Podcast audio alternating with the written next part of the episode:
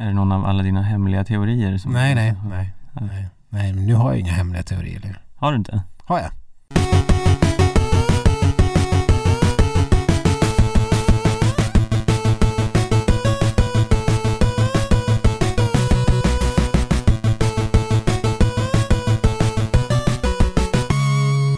Ja men hallå där alla skidsnacks lovers där ute Det är skidsnack calling vecka 3 för den här säsongen Säsong 7 avsnitt 121 om man ska redovisa allt här Ja, det ska vi ju inte. eh, Ska vi inte? Nej, men Eh. du gör det ändå. Ja eh, Han som pratar vid min sida här är eh, som vanligt eh, Stenqvist Sköld heter jag eh, Det räcker så, hur är läget? Eh, jo, men jag tycker att det är alldeles utmärkt eh, ändå med tanke på omständigheterna. Ja, Mörkt och elände, piss och skit och det är liksom två minus men ändå regnar det. Uh, och, och regnar det inte så kommer det någon snöblask och sen en sekund senare är det två plus så det smälter. Uh, och jag vet inte. Mörkt som i fans eh, asshole. Jag tänkte, men det, Herregud, det man- var otroligt bistert här Ja men jag, alltså hur kan det vara så här varje år att man, eh, man vaknar upp och sen, sen är det mörkt dygnet runt och man fattar inte, vad brukar det verkligen vara så här? Lever vi i det här varje år? Ja men det finns ju någon liten förklaring till det här, för det, vi skrev ju vet jag här om, eh, för något år sedan om dagen när det aldrig blev ljust och så var det som att domedagen var på G Ja, men vadå, det är väl de fyra senaste veckorna du pratar om? Ja jo i och för sig, men det var ju någon dag när det verkligen aldrig blev ljust Ja, folk ringde in till, liksom, till militären och frågade, vad dör vi? Ja, och eh, jag vill minnas att det fanns en förklaring till det där, men jag har glömt den eh, Så jag vet inte vart jag vill komma med det här Ja, nej men eh, tack för, tack för information. Ja men jag vill eh, i alla fall ge lite uppmuntran här i ditt oändliga mörker Ja men och sen är det väl så eh, Nu kan inte jag min, min gregorianska kalender, säga, vad det nu är för typ av kalender vi håller på med, jag vet inte ens men Det är väl några veckor kvar innan det vänder också? Visst är det väl någonstans i slutet, mitten av december? Ja, det är några dagar innan jul där har jag för mig Ja. Så vi ska ju, det ska ju bli ännu helvetes mörkare. Ja, Ja.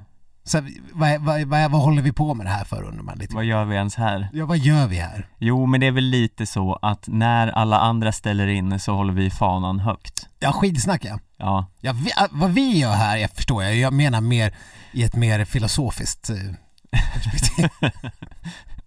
mänskligheten kan eh, vika in men Ja. skidsnack står alltid vi, pall vi, kommer, vi är som kackerlackorna efter, en, eh, efter en, ett kärnvapenkrig. Ja, ja definitivt eh, Men eh, vi kanske bara ska kliva in på det här med eh, all- mörker och ond bråd död på en gång då Ja, Det vill säga det här eh, beskedet som kom häromdagen så här, var man inte tillräckligt jävla nedstämt av höstdepp, corona, Maradona dör, känd, alla som man tycker om dör till höger och vänster i, i, i kändisvärlden, inte, inte Maradona specifikt men ja men Sven Wollter, han ska gå då.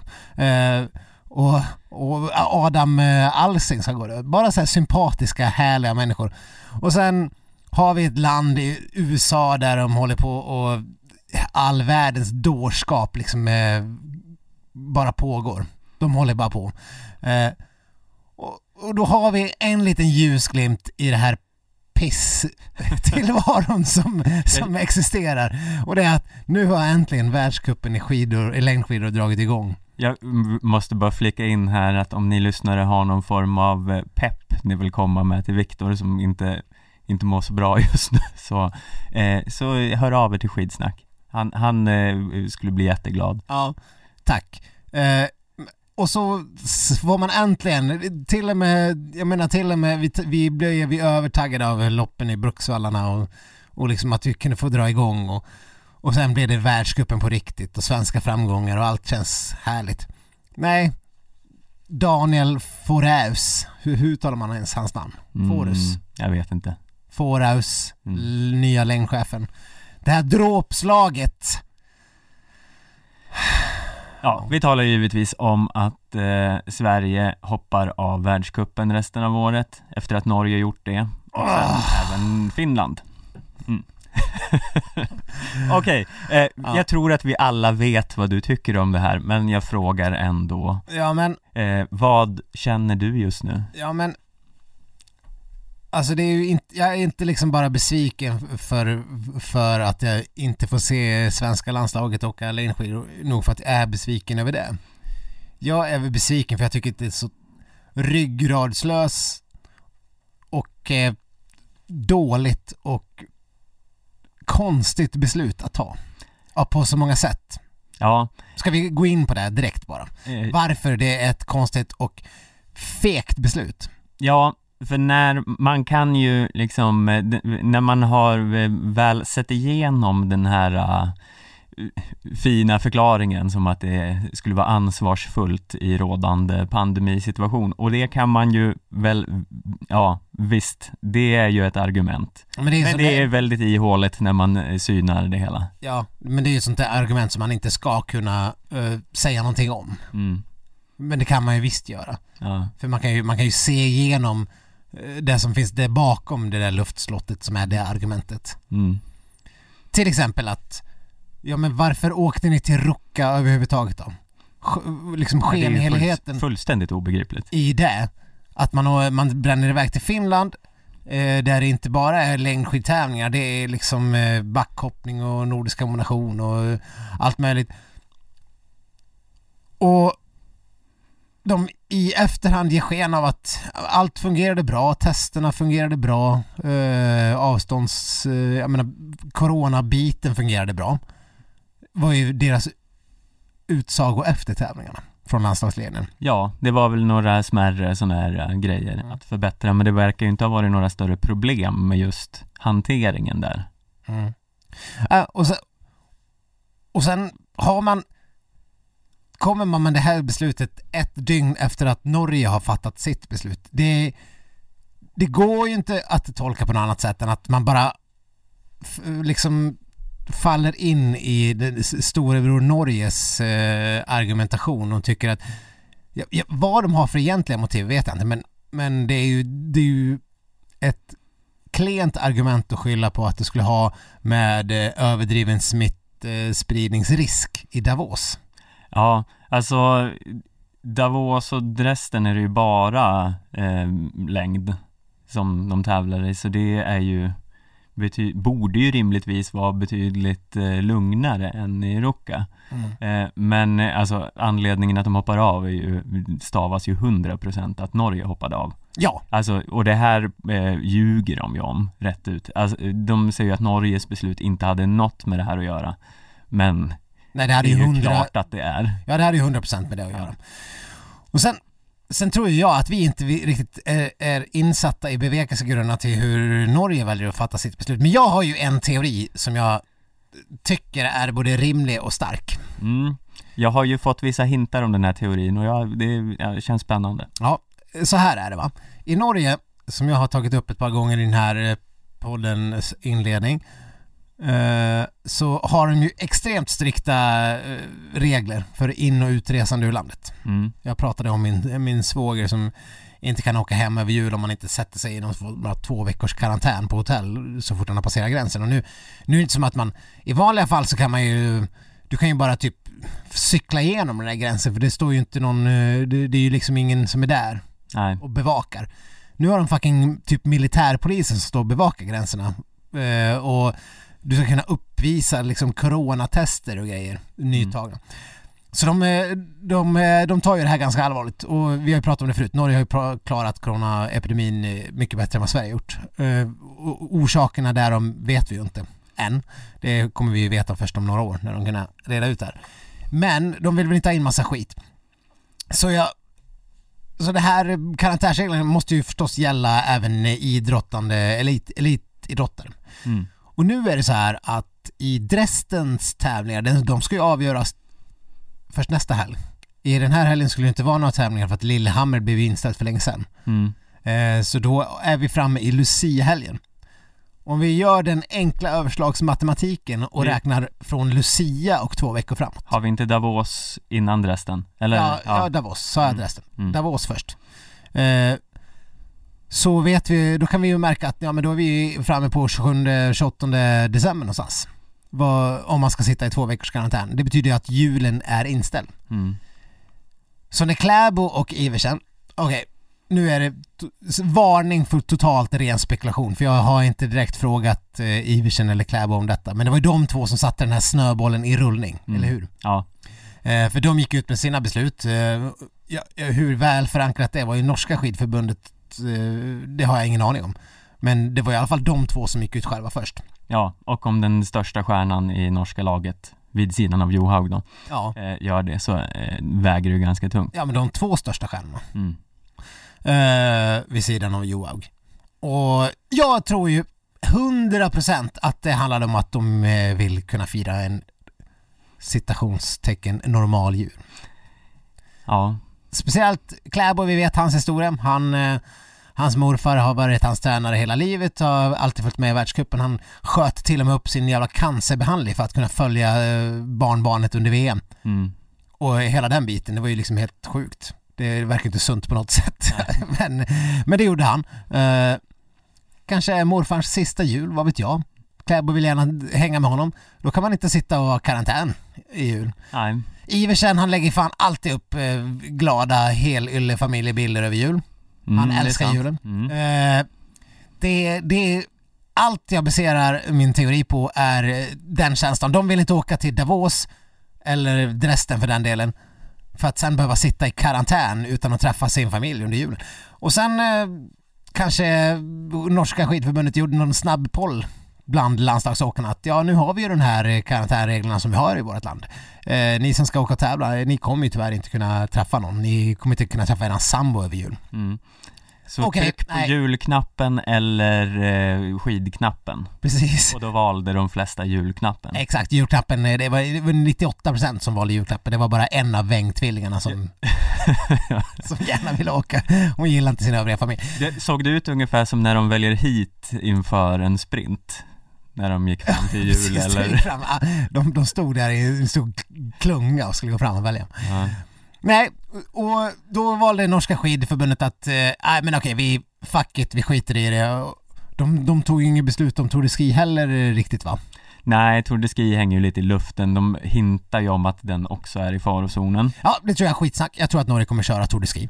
Eh, Jag tror att allt handlar om julen och det kan verka futtigt men eh, det behöver det inte vara för julen är ju en jättestor grej och två världscuphelger i det stora hela är kanske inte en jättestor grej för eh, åkarna individuellt sett. Nej, varav Dresden är en sprint och en Ja. teamsprint brukar det vara. Och hoppa över en teamsprint är väl inte direkt hela världen.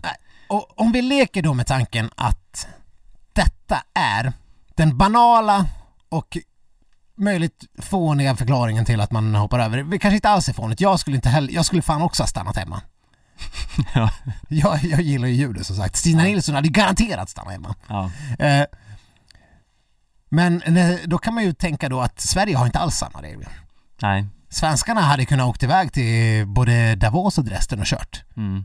Eh, men vi fattade, vi tog rygg på Norges beslut eh, med helt andra förutsättningar utan att veta sanningen. Vi kommer aldrig få reda på sanningen om det här ens stämmer eller inte men alltså ni uh, lyssnare ute, visst känns det som att jag har en poäng?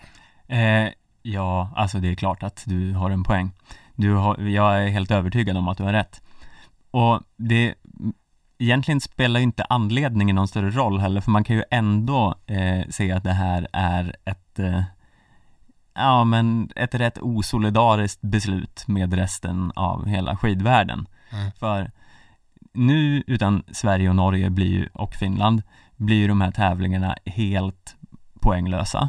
Ja, det Eh, blir någon form av eh, centraleuropeiska mästerskapen i, i Ja, men de största länderna som har den största ekonomin och flest intresserade är borta, så det är liksom intresset för det här kommer ju stört dö. Det kommer inte vara någon på plats, inga journalister på plats. Allt bara, mm, allt dör med de här tävlingarna.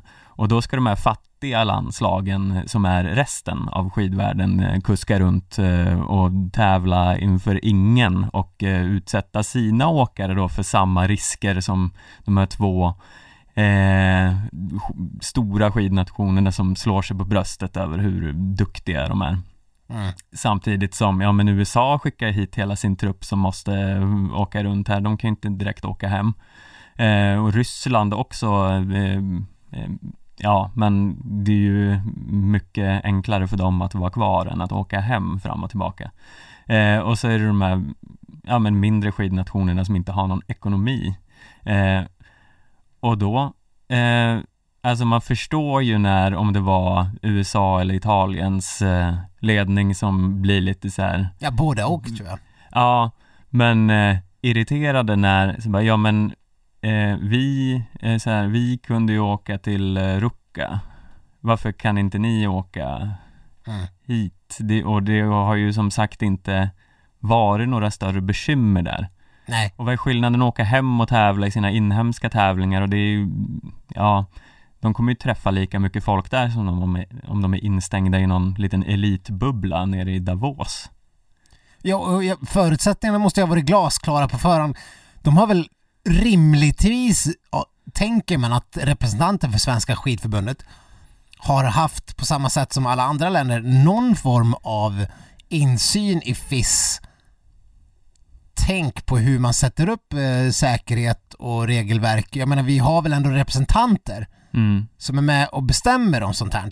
Och spe, eh, åkarrepresentanter och allt, allt möjligt. Vi har ju en viss Ja men våra insyn åkare, och inflytande. ja, våra åkarrepresentanter, eh, Johan Häggström bland annat, verkar ju inte riktigt ha varit med på noterna här. Nej, Han tyckte ju att det här var tråkigt. Ja. Eh, läste man ju mellan raderna om inte annat. ja, han hade ju redan innan uttalat sig att eh, de var inställda på att åka och tyckte att det, och så tyckte att det hade funkat bra i, i, i Ruka. Och om det var någonting som man hade att eh, anmärka på så var det ju fortfarande två veckor fram till Da- Davos. Mm. To, ja, det är klart att FIS kan skjuta in extra resurser för att göra det extra säkert om det är så. Mm. Om det hade varit på det viset, men det har inte kommit några sådana signaler.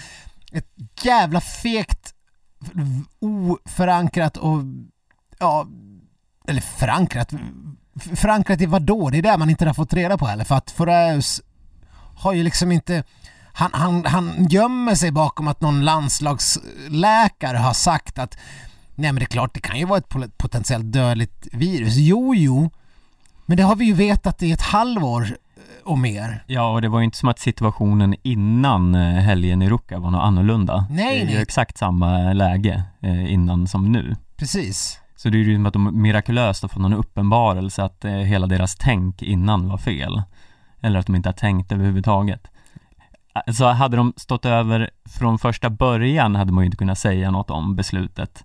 Eh, men som det är nu är det ju bara, det, det är helt obegripligt faktiskt. Ja, och det kommer bli väldigt intressant om de sen kommer ändra sig fram till Tour de Ski, för då, Ja, då faller ju, då faller ju charaden. ja, Liksom ja nej direkt. men, eh, nej men eh, Val är mycket säkrare än Davos. Ja, där ska vi liksom, där ska vi dessutom åka Ja. mellan olika... Ja men eh, eh, Oberstdorf till eh, Val di Fiemme och Lenzerheide och allt vart de är. Det är liksom, det är så nära så bara däremellan kan man så, promenera. nej, för då blir ju, då blir ju hyckleriet och dubbelmoralen så extremt tydlig så att de har ju målat in sig i ett hörn. Ja, Det finns ju ingenting som gör att de eh, utan att förlora ansiktet helt kan säga att nu är det helt plötsligt säkert nog att tävla. jo, de skulle kunna, om smittokurvorna helt plötsligt går ner mot slutet av december så skulle de kunna ha det som en efterhandskonstruktion. Visst, Eh, ja, men men då ska man ha de specifika länderna där, där, de, där de har gått ner och, jag, och ja, nej, det, det är så jävla dåligt skött. ja, nej, eh, skitdåligt verkligen. Nu tror jag att vi tar en andningspaus bara för det. Eh, ja, vi måste väl ändå bryta av med lite glada nyheter också känner jag. Eh, Petter Northug har ju faktiskt släppt en jullåt och eh, vi ska väl inte orda mer om det, vi lyssnar lite här. Mm. Svenskan. Du er en gris. Men jeg vant jo gull til slutt. Sverige sin Satan. Men blev större än Zlatan. Klockan den ringer, jula är här min vän. Jag var ju kungen som hängde all gul om järn. Stjärnorna blinkar, jag var ju en sån en kör. Snubler, men reiser meg opp igjen. Ja, Viktor, det där var väl glatt och härligt? Ja, glada nyheter sa du. Eh, ja, jo men jag, eh, jag, jag skrev till dig när, när det här kom, det var väl någon gång förra veckan redan. eh, Att jag var lite besviken. Jag hade liksom förväntat mig mer. Jag, Men vad, vad hade du förväntat dig? ja men inte vet jag liksom, du vet, kan du den här Freddy Kalas-låten? Hey ho, hey ho, nissen är Ursäkta? tillbaka. Nej, du har inte hört den. Okej, ta på, eh, vi tar på eh, 15 sekunder Freddy Kalas, hey ho. Det er jul igjen og aldri får jeg nok godt. Takk Gud for at du ikke tok abort. Det går i elleve hundre gavekort og fluestang. Henda fulle akevitt og julesang. Nisse, lue, iPad og rettetang. Og to og tre, og så synger vi hei. De tramper opp på taket. Hei, nissen er tilbake. Hei, det er gaver under krana. Hei, og tomtegløgg i krana. Ja, okej. Ja, det är, det är ett jävla tempo. Det är, det och det är lite den eh, typen av jul, eh, ja men eh, som svenska motsvarigheter, jul igen och, och eh, Tänd ett ljus och vad heter den allra bästa? Eh, Adolfsson och Falk. Mer jul. Mer jul, oh, Mm. herregud. Ja, jag, alltså jag lyssnar ju på det här dygnet runt hemma så att jag är lite skadad. Jag lyssnar bara på Petter Northugs jul. eh, jag tycker att det här är jättebra. Ja, Alltså, alltså, det är jättefint, eh, jättejuligt och jag tycker Petter har utvecklat sin sångröst väldigt bra. ja du tycker det. Ja. Mm. Jag Det tror du han kan- skulle ha någon chans i, vad heter den, där, The Voice, där man inte får se själva artisten utan man bara får höra rösten. ja, det tror jag. Sen ska man ge tummen upp eller tummen ner, sen vänder man sig om och så bara Det skulle vara alla sådana här Gwen Stefani och eh, eh, vad, vilka det nu är, domare. Han kanske kan vara med i det nya om där. konceptet Masked Singer eller vad det nu skulle heta, där de Ja. spökar ut någon person, Mm. klär ut den. Så ska man liksom eh, gissa vem det är. Ja, ja men det skulle kunna vara något. Sen är det ju, man, man kan ju diskutera lite vad han har ju haft ett lite märkligt år. Eh, Han har eh, orsakat skandal. Och sen eh, eh, kommer han med en jullåt där han eh, ska på något sätt eh, berätta om det här och eh, jag vet inte. Hoppas att han kan få fira en god jul ändå är väl budskapet här. Ja, eh, Videon är ju, är ju väldigt rolig när hans pappa står där och klär granen och, och tar fram julgröten eller de sjunger ju om någon annan skumt norskt som man äter. Ja, det är väl någon slags julgröt och eh, revbensspjäll Ja, ja. eh, som man hoppas få komma hem och Ja, precis. Och, och pappan då, eftersom han, han inte varit en snäll son, sjunger han. mm. Och han ser, det, det, det, det är fin, det är fin sensmoral. Och Sen vet jag inte om det är liksom det man, som är praxis att göra efter någon form av eh, kokainskandal. Men det, det var ju det här vi pratade om redan i, i våran extra podd i somras att eh, Petter Northug skulle skaka av sig det här blixtfort. Ja, Och Exhibit A ja faktiskt. är ju redan här. Ja. Nej, tror- men ja. Jag, jag vet inte. Jag, jag, tyck, jag skulle gärna ha den här på eh, vinyl. Jag saknar eh, lite mer bjällror och sånt liksom. Ja. Hade jag kanske velat haft. Nu, det kanske är lite bjällror, men mer. Du förstår liksom mer. ja, men jag tycker det är ännu, orättvist. ännu mera jul. Jag vill ha mer jul. Ja, men det är orättvist att jämföra med den här, vad var den hette, den du spelade upp här? Eh, Hey ho. Ja, det, är, det här är ju en ballad. Ja, det är sant. Det är, Ja. inte, det är, det är inte riktigt den här upptempo uh, klatsch-låten kanske. Mm. Eh, nej, visst. Men det, så det är han och vad heter hon, Sissel Kyrkjebø. Kyrkjebø. Kyrkjebø. Ja, ja det, är, det skulle bli en fin liten En duett. julduett. Ja.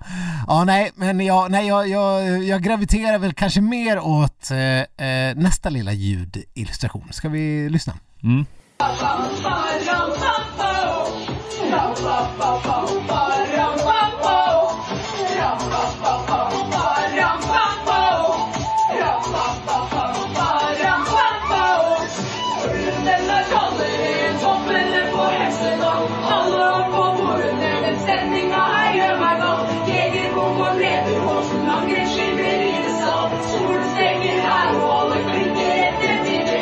Ja. ser, jag ser en tår Gör du? Jag vet inte rinna, riktigt om rinna ner jag... för kinden. Ja. Långsamt Stefan. Ja.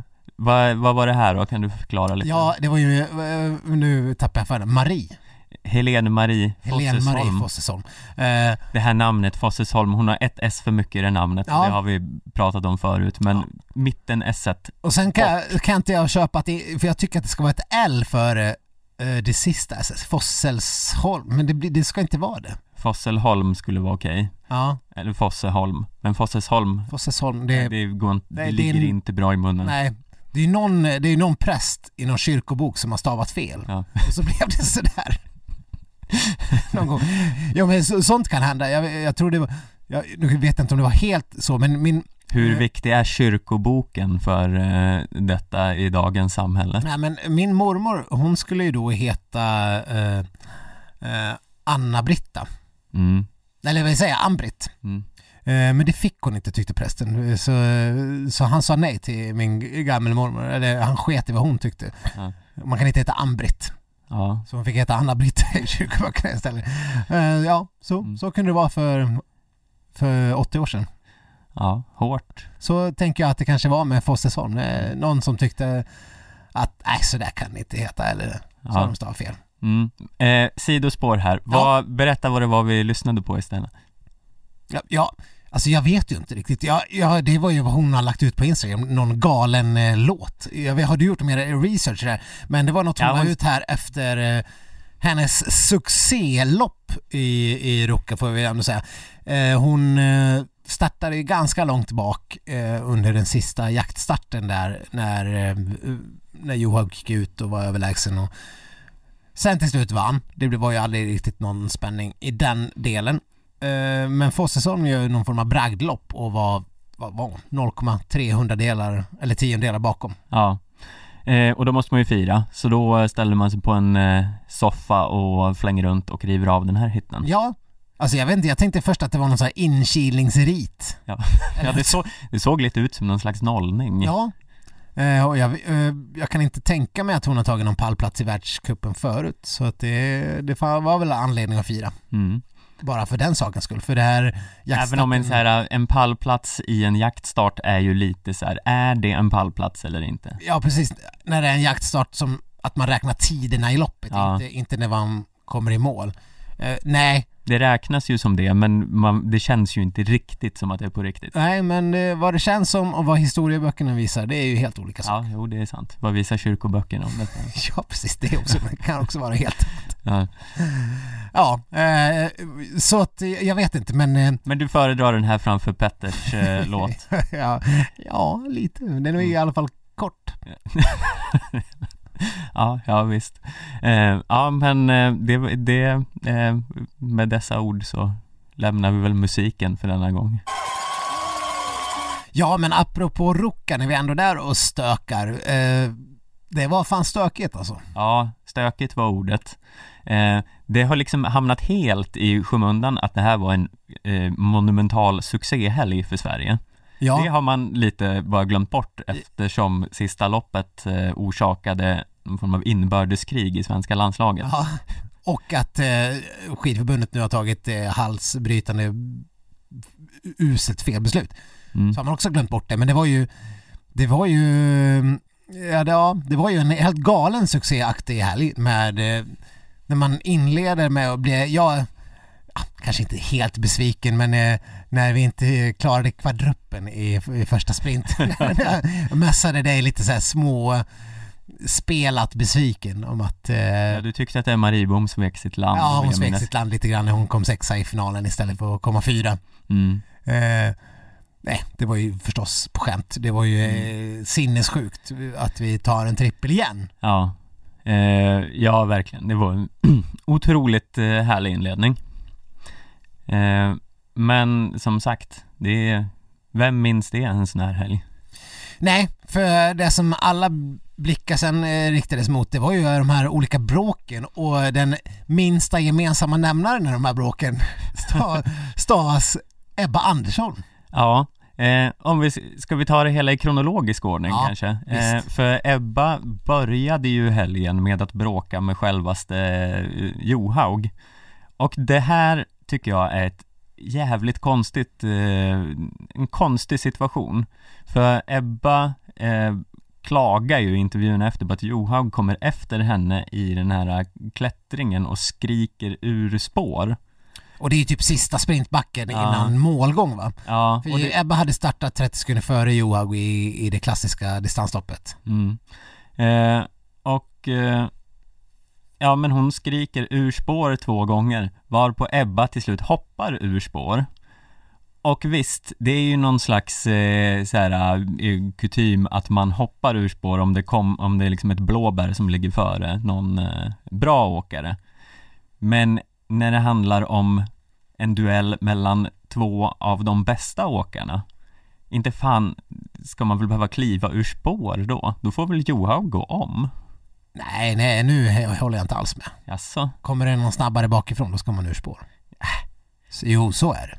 Nej, men äh, det måste ju vara en extremt fin gränsdragning i sådana fall. Hur, nu, Ebba ville ju inte gå ur spår. Nej, men jag tror inte det, jag tror inte det var problemet. Det var ju inte därför Ebba var arg. Att eh, Johaug ropade ur spår.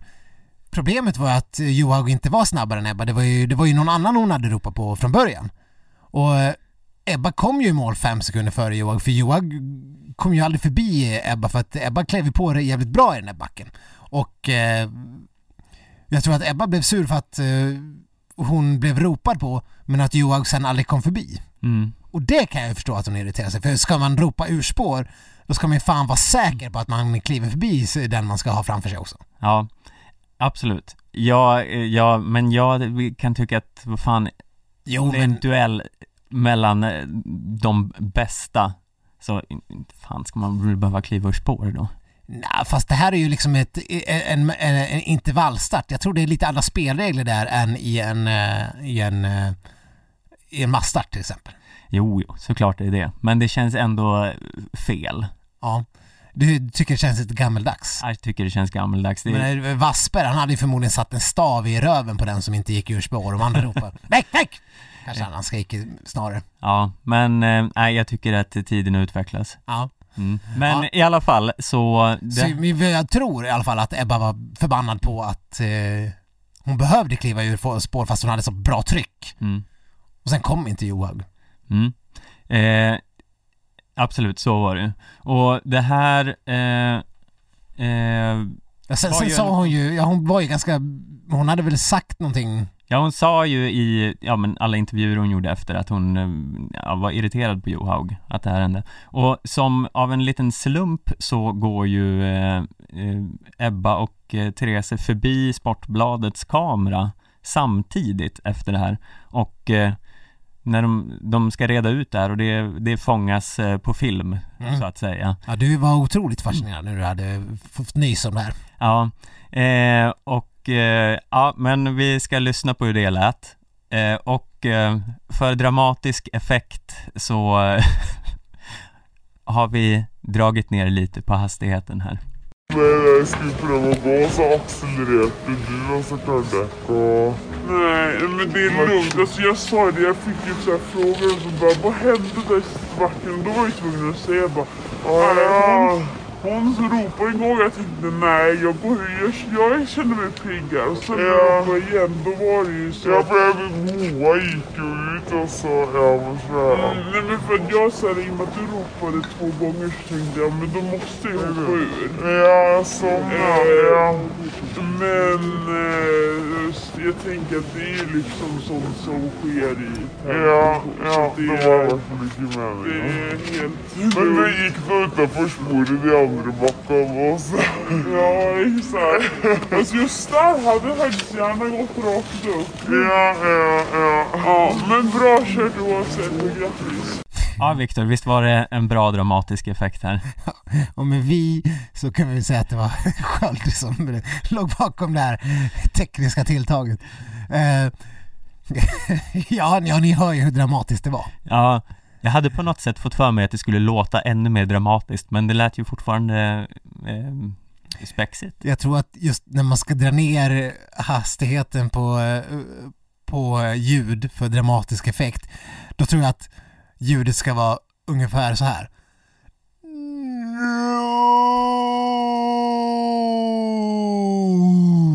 Mm. Inte en eh, 20 sekunders konversation, jag inte riktigt funkar på samma sätt. Men vad vet jag, jag är inte i någon sån här filmklipparbransch. Men Nej, jag, men jag, tror, jag tror man ska tänka kort och koncist. ja, eh, okej. Men eh, jag, Men var- jag är nöjd hur som Bra helst. försök. Ja, men om vi ska, eh, Ska du översätta det här ändå till någon form av begripligt språk? eh, ja, alltså Ebba förklarar ju att hon eh, tyckte, eller hörde att hon kom och skrek där men hon ville ligga kvar i spåret Ja. och Johaug sa att eh, hon ropade på Moa, alltså Moa Lundgren som Ja. var där och eh, det var allmän förvirring och båda säger att de förstår varandra jättebra Ja, och sen försöker, försöker Johaug liksom smyga in någon form av eh, rättfärdigande genom att säga att ja men du gick ju ändå ut ur spåren Mm. för att, eh, för att eh, få bra fäste upp för backen. Mm. Medan eh, Ebba då kontrar att nej fast här hade jag gärna velat stå kvar i spåren och trycka på. mm, För har man bra fäste så får man ju mycket bättre fart och man kan, och man kan gå på i ett spår snarare än att gå ur spår och behöva saxa. mm, Så är det ju. Eh, så att eh, Ebba stod på sig och Mm. hon fick väl någon form av ursäkt. ja, Eh, men det var ju inte som sagt första gången Ebba drog fram stridsyxan. nej hade man kunnat tro på förhand att Ebba skulle vara centrum för eh, eh, all dramatik på det här sättet? Nej, men jag älskar det. Ja, ja verkligen. Det är otroligt eh, spännande händelseutveckling. Eh, vi ska ju då såklart gå vidare till den stora kraschen som det är så eh, dramaturgiskt uppbyggt att det inte finns på bild. Nej, Man, det finns, ingen vet sanningen om den här kraschen. nej. Inte en endaste liten kamera och det är ju ingen publik så ingen mobilfilm eller något heller. Det är ju, det är bara Vi kan bara höra vittnesmålen om den här kraschen. Och du har tagit fram lite vittnesmål. Ja, vi ska få höra fyra vittnen om vad som hände där i Ruckaskogen. Nej, ja, de ramlade framför mig, jag fastnade i dem så fanns inget att göra. Vilka var det som trillade? Vad var det? Vad hände? Vi såg ju ingenting på tv. Helt plötsligt var ni bara borta. Eh, när vi stod där, två, tre, fyra, Ebba, Linn och jag utför och sen började de, eller vi glider ju ikapp bakifrån, ingen ville gå först men man vet ju det så då tycker jag att man ska stå kvar i spåret och bara resa sig upp och inte börja gå utanför och hålla på. Det är det som händer framför och då finns det ingenting, ingenstans att ta vägen. Vem är det som eh, går utanför och håller på? Eh, jag vet inte, det var Linn eller Ebba eller jag vet inte. Det är Linn som ramlar först liksom och vi kommer bakom. hände precis framför mig. Det var... Jag tror Ebba gick ut ur spåret och så kom Maja där så Maja ramlade och tog med sig Linn. Det blir någon form av eh, masskrasch där eh, i eh, ja, utförsbacken in mot, eh, eller om, om man tänker närm, ja, men in mot stadionområdet. Och, eh, jag själv ligger som nummer två i spåret. Eh, någon skjutsar på mig, eh, tror det är någon av svenskorna. Och eh, jag själv håller nästan på att ramla för att jag får sån fart och är tvungen att hoppa ut för att inte åka på ryskan. Eh, och så sen bara kort därefter så så hör jag hur några skriker bakom mig. Hinner som liksom vända om på huvudet lite grann och ser att eh, eh, liksom folk far åt alla håll och kanter. Eh, men eh, ja, efter det så var det bara att fortsätta fokus framåt för att det var ju faktiskt eh, krig om pallplatserna och jag ville så gärna upp på den här pallen idag. Eh, nej, men det var ju bara dumt. Eh, handskas med utförsöring från vissa i gruppen så det hade gått att undvika ganska lätt. Vilka var det som inte kunde hantera den där utförskörningen? Eh, nej, jag, jag ska vara ärlig och säga att det var Ebba. Eh, Jag puttade på staven bakom och sen eh, gick hon ut och eh, fällde mina skidor så att eh, jag hade inte så mycket att göra, göra än att bara lägga mig. Eller ja, jag gick ner i spagat typ så det är ett under att min jump skulle fortfarande fungera. Ja, det här var ju då i ordning Maja Dahlqvist, Frida Karlsson, Ebba Andersson Linn Svan om vad som hände. Ja, Viktor, vad tror du hände? Eh, ja, okej. Jag, jag var ju som besatt förstås efteråt uh, av att höra alla intervjuer och eh, jag kommer ihåg det här avsnittet i Seinfeld där, eh, där Jerry ska förklara hur Kramer och Newman har blivit spottade på av en baseballspelare. Mm. Och han, han tar fram en pekpinne och visar. Alltså jag skulle vilja styra upp, ställa upp alla åkare och liksom visa med en pekpinne och förklara och peka och, och så här var det. För att jag har en extremt tydlig bild. Ja, man skulle vilja ha en sån här mordplatsrekonstruktion. Ja, verkligen. Ja. Eller liksom bara små figurer. Det skulle kunna räcka med liksom Ja men typ såhär, en He-Man och en Skeletor och en, en, en Leonardo och en Rafael och, och sådär. Och bara visa. Mm. men! Jag ser ju då framför mig att eh, Sorena ligger först. Mm. Eh, på väg eh, på väg ner för backen. Mm. Sorrina, det vill säga före detta Aleshina som helt plötsligt har blivit en superbra Ja, hon är världsklass helt ja. plötsligt. Eh, kul för dem. Mm. Det, det, det, ja. Efter henne ligger Ebba i spåret. Mm. Eh, Ebba har gjort en bra backe, eh, ligger bra till i vinnarhålet. Eh, Johaug är långt, hon är, hon är typ i mål vid det här laget. Efter Ebba ligger Linn Svan och eh, Maja Dahlqvist och eh, Frida Karlsson. Kanske lite grupperat mer, inte, Mm. inte som på ett rakt streck. Men vad vi, vad vi med all säkerhet vet är att Linn Svan ligger eh, klapp i rygg på eh, Ebba. Mm. Och det vet vi för att Linn Svan uppger och eh, flera uppger att Linn Svan eh, knuffar på eh, Ebbas stav Mm. som de gör i nedförsbackar för att trycka på. Men här går ju då lite grann uppgifterna isär på vad som är vad som är rimligt och rätt och vad som är dålig åka utförsteknik och vad som är, bara är sånt som händer i en, ett vanligt skidlopp. Mm. Linn Svan, eh, inte utan att vara låta jättebutter, för hon låter verkligen jätte, jätte, jättebutter. Mm. Hävdar ju då att hon, eh, ja, hon säger ju rent ut sagt att Ebba behöver lära sig åka utför. Mm. Upprepade tillfällen. Ja. Det hörde vi ju här typ eh, också. Ja, Ebba, Hon var ju ännu skarpare. Mm. Men som jag ser det framför mig, Ebba får för mycket fart.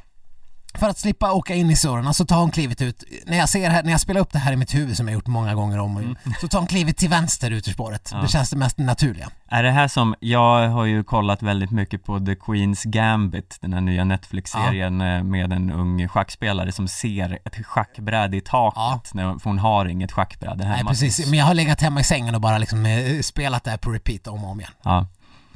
när, när Ebba kliver ut ur spåret eh, och eh, ställer sig till vänster, då blir liksom Linn, för Linn har också märkt att jag har för mycket fart och nu vill jag komma och susa ner från vindsuget. Då har hon också klivit ut. Men då står ju Ebba där, för att Mm. Ebba är framför henne. Och eh, Linn får ett felskär och går ner i spagat som hon beskriver själv. Mm. Och eh, för Ebba, ja det är inte så mycket mer än så. Hon, hon går på trynet och Maja Dahlqvist som är precis bakom Linn har ju absolut ingen chans att ta vägen. Nej. Jag ser framför mig att Frida ligger lite, lite bak till höger Mm. och eh, klarar sig undan den. Frida verkar ju inte ha sett någonting, så hon måste ju ha varit lite utanför händelsernas centrum. Ja, hon kanske ligger till höger i, i, i min världsbild då. Ja, Frida förde ju en egen konflikt med typ sig själv och eh, omgivningen och arrangörerna och Banan. allting. Hon var ju, ja, Ja, alltså, men vi kan återkomma till det. Ja. Men, eh, men så- men okej, men jag fattar nu, inte. nu, förstår, nu, nu förstår ni hur jag ser hennes eh, förloppet. Ja, fast Ebba om- går ut och Linn får någon form av liksom, oj nu kom det en framför mig, jag som var på väg ner till vänster också. Men Linn puttar ju på Ebba. Hur Jo. hamnar då, om Ebba går ut sen, hur hamnar hon framför Linn? Ja men båda ska gå ut. Linn Ja. puttar ju på för att hon har för mycket fart. Ja, Och Ebba får för mycket fart. Hon känner att ja, men jag åker ju på ryskan och hon kanske inte har någon möjlighet att putta på ryskan i det här Ja. läget. För det krävs ju en stav för att kunna göra det. mm, Och för att slippa åka in i henne så går hon ut, eh, går hon ut istället. mm, Det är inget konstigt alls egentligen. nej, Det är ju det man gör. mm, Om du inte vill åka på någon så flyttar du på dig. ja, Men för Linn blir problemet att det finns ingenstans att flytta på sig för att nu står det en Ebba där. mm, Men! Till själva skuldfrågan då. mm. Eller har du något att tillägga i, i händelseförloppets eh, skeende? Nej, men jag tror väl också att det måste vara ungefär på det här sättet det har gått till. allt vittnesmål talar ju för att det här är liksom den objektiva bilden av vad som hänt. Mm, Och som sagt till skuldfrågan. Det är ju Lins eget jävla fel att hon ramlade omkull. Tycker jag. Mm. Otvivelaktigt så. För att om eh, Ebba är före henne i spåret, Mm. hon har fått ännu mer fart av Linn för att hon har tryckt på hennes stav och hon vill inte åka på ryskan. Hon är före, hon går ut ur spåret. Ja, som det låter har ju inte Ebba så himla mycket alternativ än att göra som hon gör. Ja, fast i någon intervju så tycker Linn att nej men hon ska väl ställa sig upp och ta vind istället för att gå ut ur spåret. Ja. Men vad hallå? Om Ebba är i vägen för dig, då har ju du också gått ut ur spåret. Mm. Eller gått åtminstone från det spåret där du var. Mm. Så du har ju uppenbarligen tänkt samma sak. Du vill ju bara rusa för, förbi och ta med dig fart ner för backen. Ja. Eh, så att, nej, Linn Svan. Det här var helt och hållet ditt fel. Ebba var före dig. Hon hade företräde. Hon får ta den riktningen hon vill. Hon kan... Hon ska inte behöva räkna med att det ska komma någon som har precis nyss har puttat på ens stav och liksom susa förbi. Mm. Nej, Då får du ställa dig upp och ta vind och bromsa in istället. Och undvika kraschen. Den som går vinnande ur en krasch är alltid den som har rätt. ja, eh, så, Lite grann. ja, så, så får man ju ändå säga. Eh, Och den som är bäst på att åka utför är den som står på benen i Mm. utförsbacken. ja. Eh, men har inte, tror du inte att Ebba har någon liten, liten del i det här? Lägger du 100% skuld på, på Linn? 100%. 100%? Ja, ja men det är bra att ha en tydlig syndabock ändå. Ja, och sen skulle jag mer vilja ja, det kanske är en senare diskussion, men jag skulle vilja anmärka på Linn Svans hårda ord. Jag, jag kan inte hålla på, vi kan inte hålla på och ursäkta henne att hon är ung och orutinerad, för det är hon inte. Hon har haft en full säsong i, i landslaget och hon har vunnit eh, sprintvärldscupen och sådär. Den där ilskan som hon riktar mot, jag är allt, jag älskar frispråkighet. Mm. Eh, och det är ju kul. Man tycker det är kul när folk svingar och säger, pratar och är ärlig. Och det har jag absolut inga som helst problem med, utan uppmanar alla att göra ännu mer. Mm. Men ilskan är helt felriktad. Hon ska ju rikta den mot sig själv eftersom det var hennes eget fel. Ja, Inte mot Ebba Andersson som, som gör en briljant lopp och kommer trea. Ja, nej men det här, alltså vi minns ju förra säsongen när Linn Svan sitter på en testcykel och kastar mobilen i en Ja. snödriva när hon inte går vidare från, eh, vad det nu är, kvartsfinal. Eh, det är ju ett, det, det, det tyckte man ju var ett roligt utbrott. Ja. Och så här, ja men eh, vinnarskalle och hej och. Men här, ja visst hon har ju en stark vinnarskalle, det får man ju säga, men att rikta den här eh, ilskan öppet mot Ebba och inte inse sina egna, eller sin, sin egen skuld i det.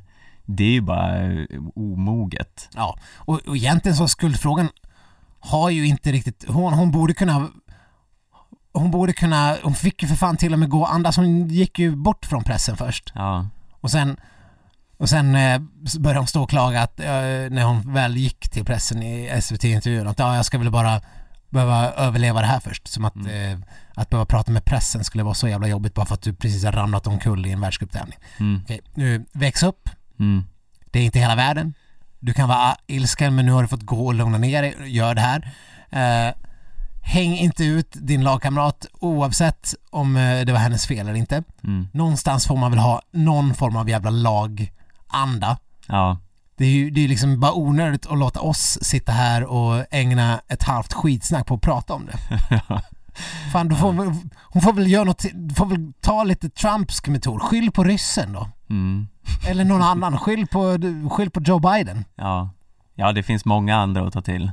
Vem, Jesus, Ja, tomten. mm, Skyll inte på Ebba och sen inför tv-kameror godta liksom Ebbas någon form av eh, jag hoppas allt är okej, jag vet inte riktigt vad som hände men eh, eh, jag, Ja, hoppas, det, jag hoppas det- är lugnt mellan oss eh, gest mm. som Ebba gör. Ja, hon går ju och klappar henne på axeln Ja. när hon står i intervju Linn Svan, iskall, kollar rakt framåt, eh, inte ens liksom bevärdigar inte gesten eh, det minsta eh, uppmärksamhet. Eh, så att eh, Linn Svan, jag älskar vinnarskallen men väx upp för fan, det där är bedrövligt beteende. Ja, det kom ju rapporter eh, sen från eh, landslagsledningen om att de har slutit fred och suttit och skrattat eh, tillsammans på flygplatsen. Det tror jag inte ett dugg på. Nej, inte jag heller. Det tror jag är som Trump Det- säger fake news. Bagdad Bobs, Ja, svenska landslaget har klivit in. nu, nu spekulerar vi ju vilt här igen. ja, Men jag tror Linn Svans eh, ilska som i riktad åt rätt håll är extremt viktig för henne. Mm. Eh, och hon ska fortsätta använda sig av. Hon ska fortsätta vara arg men eh, den lägger sig inte så snabbt att hon sitter och skrattar med Ebba på flygplatsen. Nej, det, det har jag väldigt svårt att tro. Eh, men eh, jag, jag, sen såg jag SVT gjorde den här fula grejen, de la ut någon, någon form av intervju med Linn Svahn som var gjord typ i somras. Mm. Där hon pratar om, eh, man ska inte tygla unga kvinnor. Eh, hade jag varit en kille så hade mitt beteende och min vinnarskalle inte varit någon deal överhuvudtaget. Mm. Eh, säkerligen har hon en poäng i det. Mm. Eh, och jag som sagt tycker hon ska fortsätta vara utåtriktad och galen och arg. Mm. Men måste kunna veta bättre än att eh, hä- hänga ut en lagkamrat. Det, det är bara, så enkelt är det bara. Ja. Eh, ja, och just i det här fallet, eh, alltså Och allt talar ju för att det var ditt fel. Mm. Eh, och här, man hade ju eh, inte sett med blida ögon på eh, Johan Häggström om han hade fällt, eh, om han, sådana här kommentarer om, eh, ja, Oskar Svensson heller. Det hade, jag, det, jag ser inte att det hade varit någon skillnad. Nej, nej, det hade ju varit lika bedrövligt. Ja, Verkligen. Eh, jag, jag, jag tror inte det var liksom, men, ja nej, jag, men det var ju fascinerande att Ebba är inblandad i, i två uppmärksammade bråk. ja, För att Ebba var ju, i intervjuerna efteråt så var jag, hon också så här, nej men jag, jag tar ingen skuld i det här. ja, Vad fan snackar ni om? mm, Alltså hon, hon har ju ändå alltid setts som den här ändå så här tystlåtna och bara ganska försynt person. ja, Men här visar hon att tänker inte fan ta någon jävla skit. nej hon tar absolut ingen skit.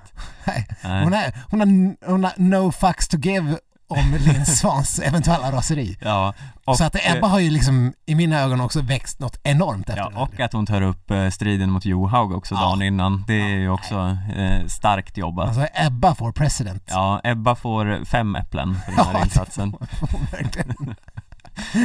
ja, Eh, fy fan vilken kung. Ja, eh, vi kanske bara, nu har vi ju snackat om eh, den här kraschen väldigt mycket men det var ju överlag väldigt fina insatser från helgen om man bortser från vurpan.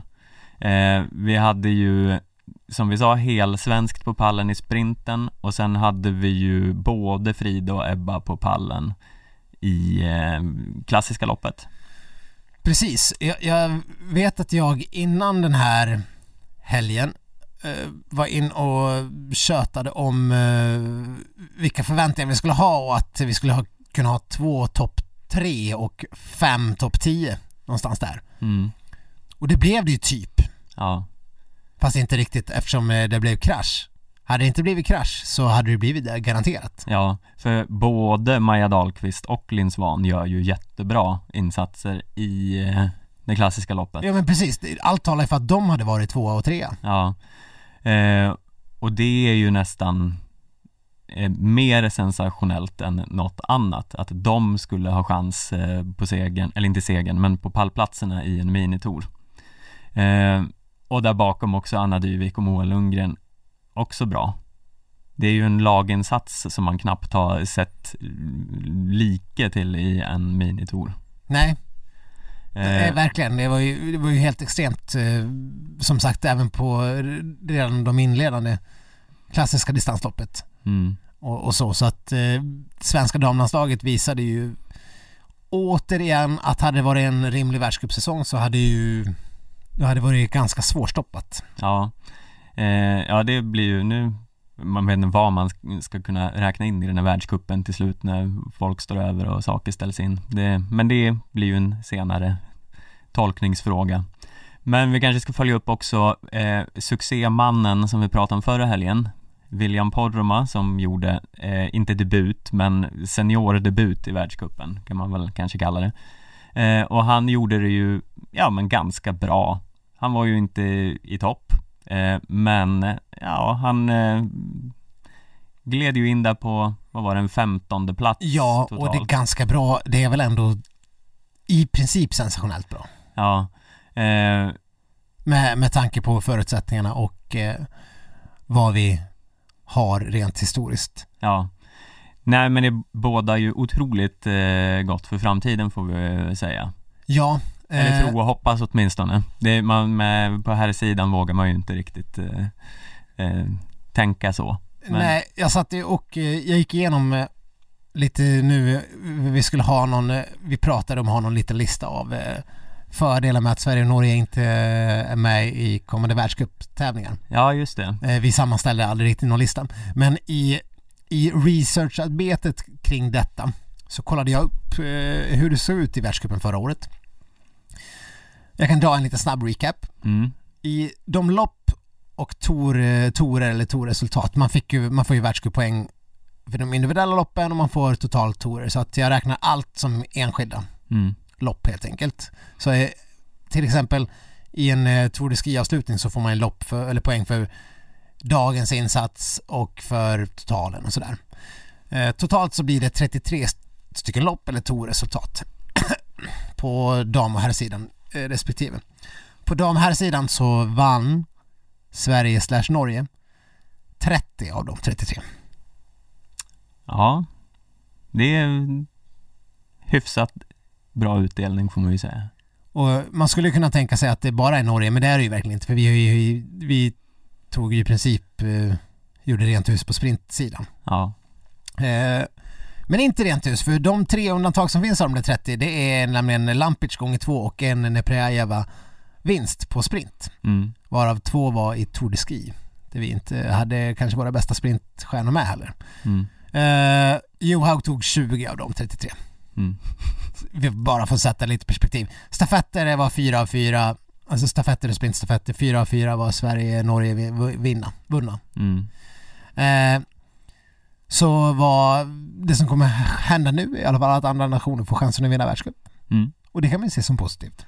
Ja, På här sidan är väl inte lika samma eh, Sverige-Norge överläge. Eh, av 33 så var 18 eh, vunna av Sverige och Norge. mm. ändå ganska många. Och om man ska vara helt ärlig, av de 18 så var Norge 18 och Sverige 0. Ja, Vi tog ju inga, förstås, nej. förra året. Vad vi lyckas eh, höfta in på 33 lopp var en eh, sprint eh, tredjeplats genom Johan Häggström Mm. och en, jag tror det var en sprint stafett andra plats Mm. genom också Johan Häggström och eh, Marcus Grate. Var det med? Eh, så vi hade två pallplatser på här sidan förra året. Eh, det är ju något som borde göra en lite gråtfärdig. Mm. Och det gör det. Ja, Jag gråter mig till sömns var- varje gång jag tänker, när jag liksom inte kan se det här eh, backdramatiken utspela sig, då ser jag bara här resultatraden i, Ja. i taket. i förhållande till att vi hade sex pallplatser på damsidan bara den här helgen. Ja, ja nej, ja herregud vad bedrövligt det är för svensk herrskidåkning fortfarande. Så tack William Porm för att du finns. Ja, verkligen. Eh, något. Eh, stafett eh, då var då eh, på här sidan två av fyra Norge-vinster. mm. Eh, och eh, sen var det någon fransk sprintstafett och hit och dit. Av, av de andra 15 eh, herrloppen som vanns av andra nationer än Sverige och Norge så var det Bulshunov som tog nio och Stjugov två. De var ganska bra i Tour de Ski och sådär. Så att det, var, det var lite ryssar och lite fransmän. Mm. Det var det perspektivet på eh, hur det såg ut förra säsongen och vad som kommer kunna bli de närmsta veckorna då. Mm. Så vi kan i alla fall se en liten jämnare för, fördelning kanske. Ja. Eh, för övrigt, eh, vet du hur det ser ut, eh, nu ska ju eh, de nordiska länderna avstå här, men hur ser det ut för Islands räkning? Pallplatsmässigt. Nej, jag tänkte på deltagande. Ja, det, det, har ju, det har, ju, har ju varit lite klent. Det var ju kanske den roligaste nyheten på hela, hela rockahelgen. Ja, det, det var så mycket nyheter från den här helgen som man skulle kunna fylla fem avsnitt med det. Ja. Men eh, vi har ju islänningen, eh, eh, vad han heter, Snorri Einarsson. Ja, just det. Han är eh, väl kanske typ den enda isländska Ja. åkaren som man ser till ibland. Eh, norsk islänning typ, men han tävlar för Island. Han eh, gick, han tog ett coronatest eh, och gick och väntade på resultat. Men trodde att han skulle vara avstängd för att eh, ledaren hade testat positivt där. Precis, och så fick han liksom inget svar så att han fick inte åka i prologen va? Nej. Eh, och vad gjorde han då? Jo, Ja, vad gör han, man? Man tar sig en, eh, en rekorderlig vinfylla va? Ja, eh, citat. Jag har druckit ganska mycket vin de senaste dagarna eftersom jag trodde jag fått viruset. Eh, Ja. ja, han hade inte fått viruset. What's not to love, det där Eh. uttalandet alltså. Det är ju, det är magi. Ja, men det är så här, han hade inte fått viruset och sen fick han ändå åka, men han var inte så bra. Eh, för att han hade ju, han var väl bakis helt enkelt. Eh, och eh, då eh, eh, frågar man sig lite här. Eh, hur vanligt tror du det är att gå och ta en vinfylla eh, så här under rådande världscuphelg? Eh, eh? Ja. när man får ett tråkigt besked. Nej, Man tänker ju att det var lite vanligare förr i tiden. Ja, De är väl så jävla renlevnadsmänniskor nu för tiden. Eh, Så att det, det är uppfriskande att man gör det. ja, Och kanske ännu mer uppfriskande att man går ut och säger det. mm, Jag menar, ja. hade, Jag har druckit ganska mycket vin de senaste dagarna. Det låter ju så grovt på något sätt. det, det är något som man förväntar sig att Volkan Pitchley ska säga. Ja, men också just att det är vin. Det Ja. är liksom, ja men jag Inte tog, tog några öl, Ja. men ganska mycket vin. Jo, ja. Det låter ju som man har, har tömt i sig en eh, bag-in-box. Alltså i, i den här, man kanske ska sätta det i någon form av sammanhang. Ganska mycket vin, det kanske var att han tog sig två glas. Ja, jo så kan det ju vara. Men just hur han uttrycker det får, ger ju att man får bilder i huvudet. Inte att han liksom, eh, han vaknar upp och det ligger liksom tre utdruckna flaskor och sen några, några små miniflaskor ur minibaren också bredvid liksom. Det är inte, inte den. Jag tror, jag ser inte det framför mig i alla fall.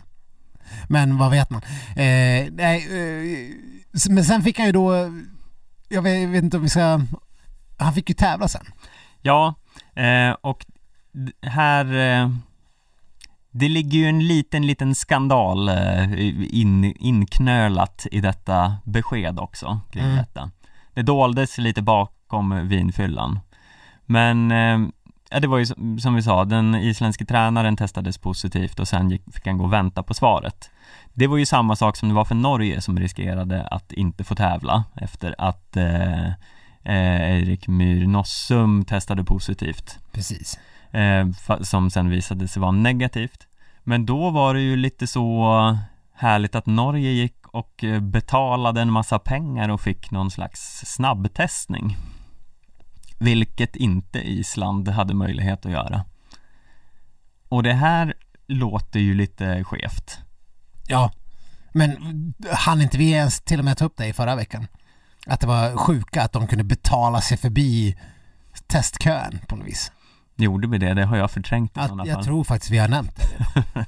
Men eh, det är fortfarande lika skandalöst. Ja. Och det är ju en en ännu skevare bild av att de väljer trots gräddfilen att liksom inte ställa upp i framtiden. Ja, är det liksom eh, Norge, de kan betala hur mycket som helst för sina coronatest, de står över världscuphelger och samtidigt så de här stackars islänningarna eh, bara vänta på sina besked och dricka vin Dricka vin. och sen vidare. Ja, Ja, det är ta mig fan skandal. ja. Eh, men ja, skönt för Snorri att han inte hade något virus då, i alla fall. Ja, det får man fan säga. Eh, sen vet jag inte hur bra det gick för honom. Jag, har, har, du, har, du, har du koll på var han eh, hamnade till slut? Nej, eh, jag, Vi kan väl han gissa att försvann lite ur resultatet. hade det varit en framskjuten placering så hade det märkts. Det hade vi nog vetat om i sådana fall. Ja, nu ska vi byta sport. Det är ju inte bara i eh, längd det går ganska bra. Eh, vi har ju inlett den här skidskyttesäsongen på någon form av sensationellt vis. Har det någonsin varit så här bra? Om du liksom sätter mig i någon form av A. Lennart Julin Ja, ja, men dra bara en så här liksom en känsla. Det behöver inte vara grundat på statistik. Nej, och nu får vi väl, vi kanske ska nämna det, Nordic Ski PhD, nu ska vi prata alltså eh, den här genomusla sidosporten skidskytte. Ja, Eh, vi fick eh, en uppmaning från vår trogne lyssnare här att ha triggervarning på när vi pratar om Stina Nilsson. Eh, Judas, som Ja. man kallade henne. Ja, Eh, för, för att hon lämnar eh, äran, eller vad brukar man säga, hjältarna och eh, ja, den ärofyllda skidsporten ja, till, till, skillnad, till, till fördel för den här militär exercis skjutgalnings eh, si, sysselsättningen som är skidskytte. ja, Eh, Nordic Ski PhD är inte glad över Stinas beslut. nej, Och eh, jag kan väl reflektera lite så här när jag såg den första för de är väl fortfarande i Kontiolahti och håller på och skjuter. Det pratade vi om förra veckan att eh, de har i alla fall ett rimligt upplägg på sin säsong. ja, även om alla verkar bli sjuka till höger och vänster inom Ja, skidskyttet, men eh, visst. ja, vad fan. Men eh, när man såg eh, Elvira och Hanna Öberg, eh, Johanna Skottheim, eh, Linn Persson, Magnusson, Anna all, Brorsson. alla, ja, det var ju något, ja, ett av loppen där när Hanna, Hanna Öberg är typ sämst i Sverige förutom Elisabeth Högberg som var inte långt efter. Eh, Men Hanna Öberg blir sjua Mm, och eh, sämst av svenskarna i landslaget. mm, Det är ju, eh, det är liksom hjärnan exploderar. mm. Eller ja, hon har ju, eh, hon har väl två bakom sig, men eh, Nej men hon, ja, det var väl då Skottheim eh, tar sin tredje plats och Elvira Öberg är före och Linn Persson är före. Ja, vi, kan, vi har, har vi har ju Anna? Magnusson och Ja just det. ja. Ja. vi är ju så många så det det är svårt att hålla Men reda hon, på. hon är i alla fall fyra mm, bland svenskarna efter att ha kommit sjua. mm, Ja det är ju så bra så att, så att man inte förstår. Men när man ser dem också tävla, när man ser Hanna Öberg och, och resten eh, och så jämför man det med bilderna av Stina Nilsson. Undrar om hon sitter och kollar på det på tv och känner att fan. vad, Det är ju, det är ju, det är ju det är ju en, det är ju en, det är ju en annan sport ja, som eh, Stina Nilsson sysslar med just nu. Det är ju bara så. ja, att slå sig in i det här laget, det lär ju inte vara speciellt lätt. Nej, Alltså fatta och vara, och jag pratar bara om hur det ser ut på vallen för ä- ä- allt det de har gjort. Det de Mm. har gjort sen de var, de flesta av dem har gjort sen de var 14-15 år. Och det ser så naturligt och så bra och så professionellt ut och det går snabbt och de är duktiga och ja alla skjuter ju rätt snabbt. ja. Alla skjuter jättebra. Och nu kan helt plötsligt bom. alla åka jättesnabbt. Ja, Hur var- fan gick det till? Ja, det är, alltså alla åker ju svinbra. Herrarna åker också jättebra. Ja, i poddande stund så, så har vi ju precis fått höra att eh, Martin Ponsiluoma, ja han åker 20 sekunder snabbare än eh, Johannes Tingnes Bö. Ja, han blir ju då alltså nia i sprinten eh, efter tre bom. Martin Ponsiluoma åker 20 sekunder fortare än Bö. Ingen åker fortare än Bö, oftast. Nej. Eh, och eh, ja, nej det, Alltså, vad är det som har hänt? Antingen Vad är det så, för dunderhonung de har Ja. köpt in? tänk om de är dopade hela bandet. Fy fan. Vad är det för dunderhonung de har köpt in? Jag menade det här ganska oskyldigt Ja, jag som någon förstod form av det, bara men- liksom helt oskyldig Bamse-referens. Men eh, eh, Ja. ja, om du skulle ha ställt frå- frågan så här istället. Mm, man undrar ju vad det är för dunderhonung de har köpt in. mm, Det är lite, du lite mer sinister approach ja, till ditt dunderhonungsuttalande. Mm. Du såg det lite mer gladlynt som man hade sagt i Bamseland. ja. Eh, Eh. Men ja, man undrar ju lite grann vad det är för dunderhonung de har köpt in. Eh, Men det, det är inte bara det. De är ju jättebra på att skjuta också som sagt. ja, Och ja, men Hanna Öberg, eh, alltså hon är ju sånt det är sånt självförtroende på henne jämfört med Nu var hon ju redan med i och slogs om totala världscupen förra året.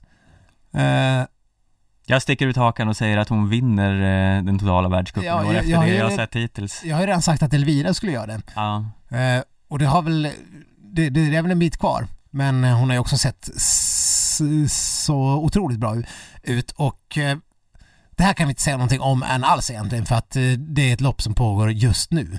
mm, i, podd, i verkligen i poddande stund och då ligger ju Elvira Öberg eh, trea i mål fast det är massa åkare kvar så vi vet inte det. Vi kommer inte hinna se det resultatet vi, innan, innan, innan vi måste avsluta. Nej. Men det ser ut som Hanna Öberg vinner igen. Ja. Så det är väl inte... ja, hon vann ju i helgen och hon ser ut att vinna igen. Så att säga att du sticker ut hakan, eh, det var ju också en överdrift.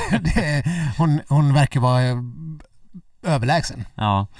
Ehm, och sen, jag vet inte hur många vi ska kunna få topp 10 där, för Johanna Skottheim hade man ju knappt hört, eller ja, hört talas om hade man ju, men hon åkte ju världscup för första gången på riktigt förra säsongen. Ja, ja, ja nej men Och nu vet jag. Hon helt var ju- hon plötsligt var ju- så är ju hon också en som bara åker svinsnabbt och skjuter svinbra hela tiden. Mm. Ehm, och ja, nej jag vet inte Nej men Mona Brorsson är ju liksom eh, mycket, hon känns mycket jämnare. Linn Persson känns ju jämnare. Det känns som alla har liksom höjt sig lite grann i nivå för att eh, Mona Brorsson har ju varit på pallen förut och Linn Persson och sådär.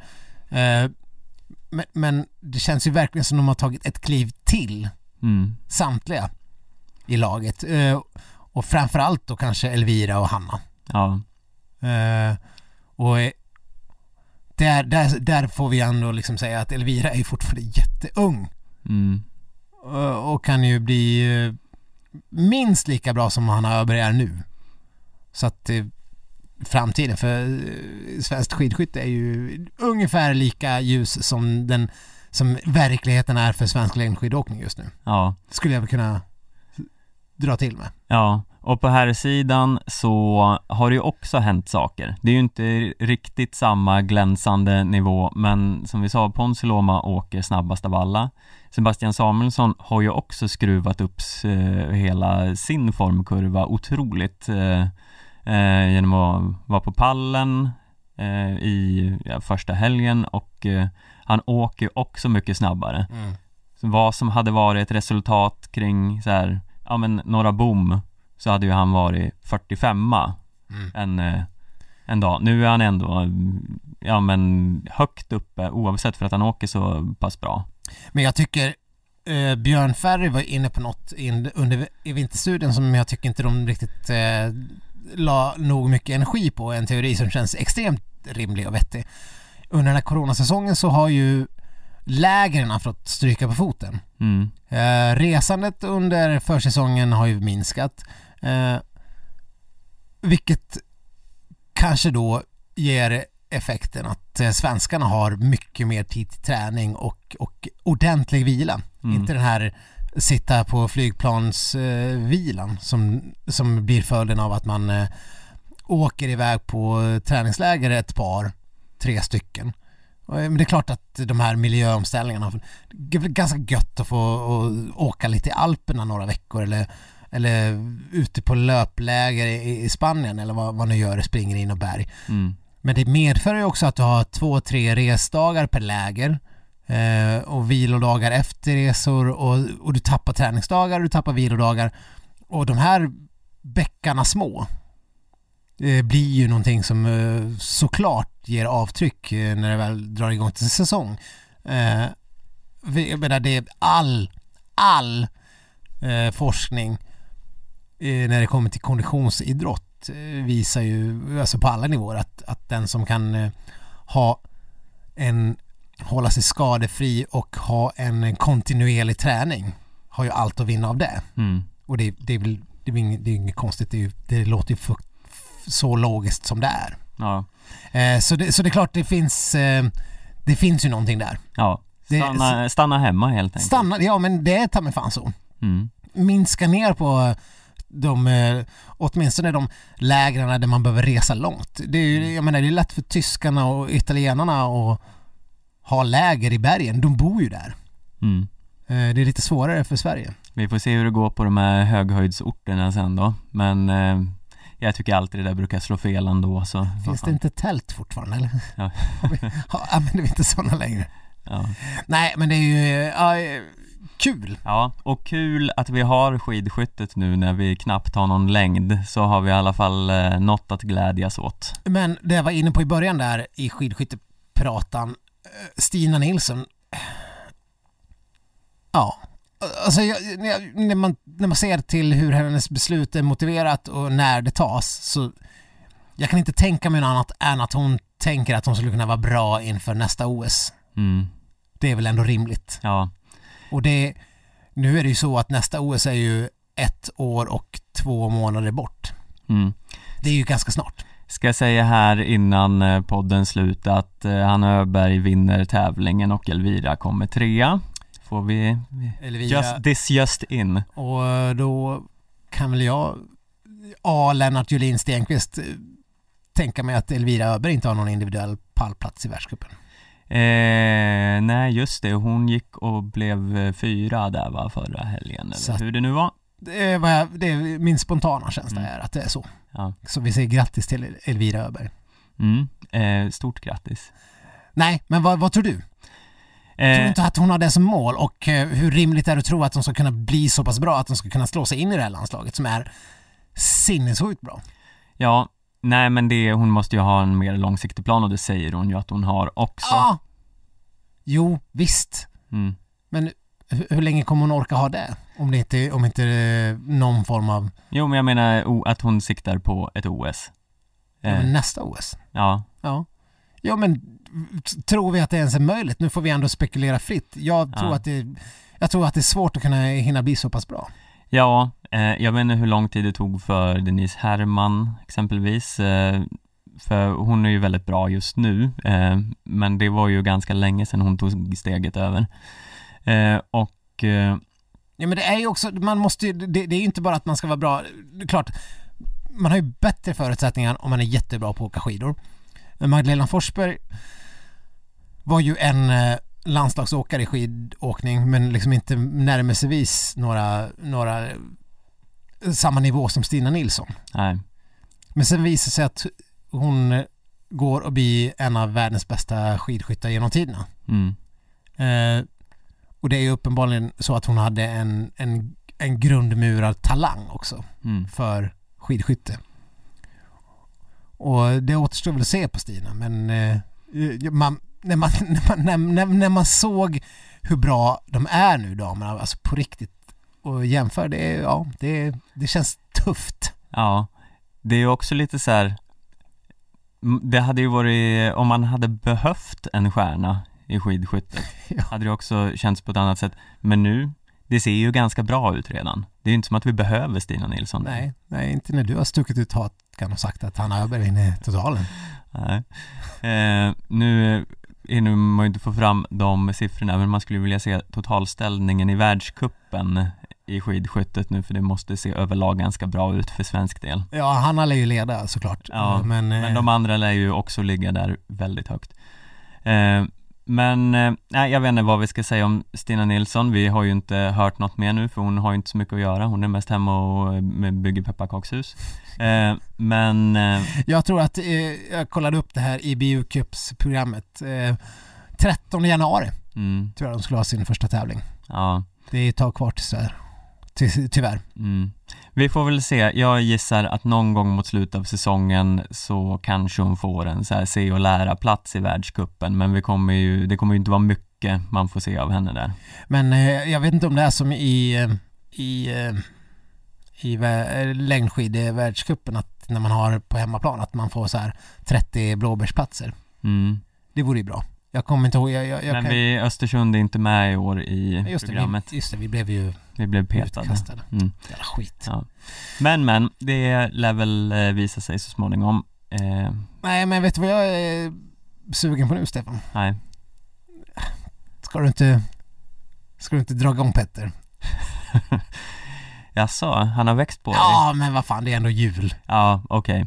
Eh, ja, ja, men vi gör väl så att vi tackar för oss för den här veckan eh, och även om inte längdvärldscupen eh, kommer tillbaka så mycket eh, för svensk del den här hösten så kommer ju skidsnack i alla fall tillbaka nästa vecka. Som kackerlackor. Ja, eh, så länge kan ni kontakta oss på skidsnack.aftonbladet.se På Facebook och Instagram finns vi som skidsnack.